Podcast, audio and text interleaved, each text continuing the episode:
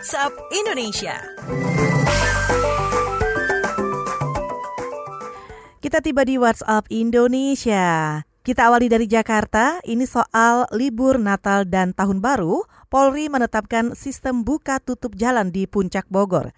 Selengkapnya dilaporkan reporter KBR Kevin Chandra. Selamat pagi. Kepolisian Republik Indonesia bakal menerapkan sistem rekayasa lalu lintas di kawasan Puncak Bogor, Jawa Barat di libur Natal 2019 dan malam pergantian tahun 2020. Juru bicara Mabes Polri, Asep Adi Saputra mengatakan, pemberlakuan sistem rekayasa lalu lintas untuk menjamin kelancaran masyarakat dalam melakukan aktivitas berlibur dan beribadah Natal. Asep menuturkan, pemberlakuan sistem satu arah di Puncak dimulai setengah 8 pagi sampai jam 12 siang menuju ke arah Puncak. Kemudian pukul 1 siang sampai jam 5 sore dilaksanakan satu arah menuju ke Jakarta. Pemberlakuan sistem satu arah sudah dilaksanakan pada tanggal 22 Desember 2019 sampai 1 Januari 2020 bersifat situasional. Ini dilakukan untuk menjaga penumpukan volume kendaraan yang akan mengarah ke puncak maupun mengarah ke Jakarta. Demikian Febrin Kevin melaporkan untuk KBR. Dari Jakarta kita menuju Banyuwangi.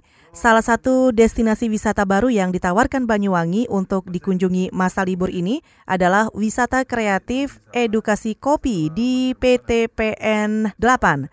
Seperti apa? Kita simak laporan kontributor KBR Hermawan. Silakan Hermawan.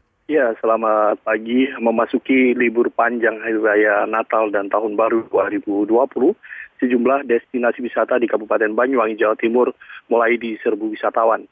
Tak terkecuali destinasi wisata yang baru dikembangkan pemerintah Banyuwangi dengan sejumlah BUMN. Seperti halnya destinasi wisata kreatif berbasis kopi yang berada di perkebunan PTPN 8 Malangsari Banyuwangi.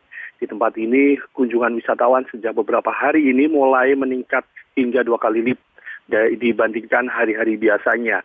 Pada hari biasa kunjungan wisatawan berkisar antara 150 hingga 200 orang. Namun dalam beberapa hari ini bisa mencapai 400 orang lebih. Mayoritas wisatawan yang berkunjung adalah para pelajar yang ingin mengetahui cara pengelolaan dan berkebun kopi. Menurut Direktur Utama PTPN 8 Malangsari Holiday, perkebunan kopi Malangsari memang didesain untuk wisata edukasi yang kreatif sehingga menjadi tempat belajar tentang kopi. Demikian dari Banyuwangi, Hermawan melaporkan untuk KBR. Terima kasih Hermawan. Kita menuju ke Lombok, Nusa Tenggara Barat. Wisatawan yang ingin masuk tiga gili bisa mulai menggunakan pembayaran non-tunai loh. Kita simak laporan kontributor KBR Zainuddin Syafari. Selamat pagi. Uh, kunjungan perwisata di Lombok, terutama menuju wisata tiga gili, Gili Trawangan, Gili Mino, dan Gili Air di Lombok Utara, pada liburan Natal dan Tahun Baru ini cukup ramai baik domestik maupun mancanegara. Menariknya, pengelola pelabuhan publik di Bangsal yang menuju Tiga Gili sekarang mengeluarkan tiket elektronik dan pembayaran menggunakan non-tunai, seperti menggunakan GoPay, Dana, Link Aja, Kiris, dan lain sebagainya.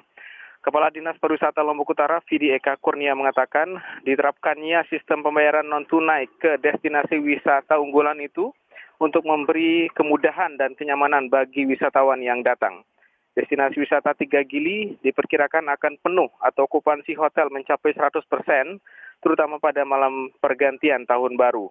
Selain Tiga Gili, destinasi wisata unggulan diserbu oleh wisatawan adalah Senggigi, Skotong, dan kawasan yang sedang berkembang, Mandalika di Lombok Tengah. Zainuddin Safari dari Lombok, Nusa Tenggara Barat melaporkan untuk KBR.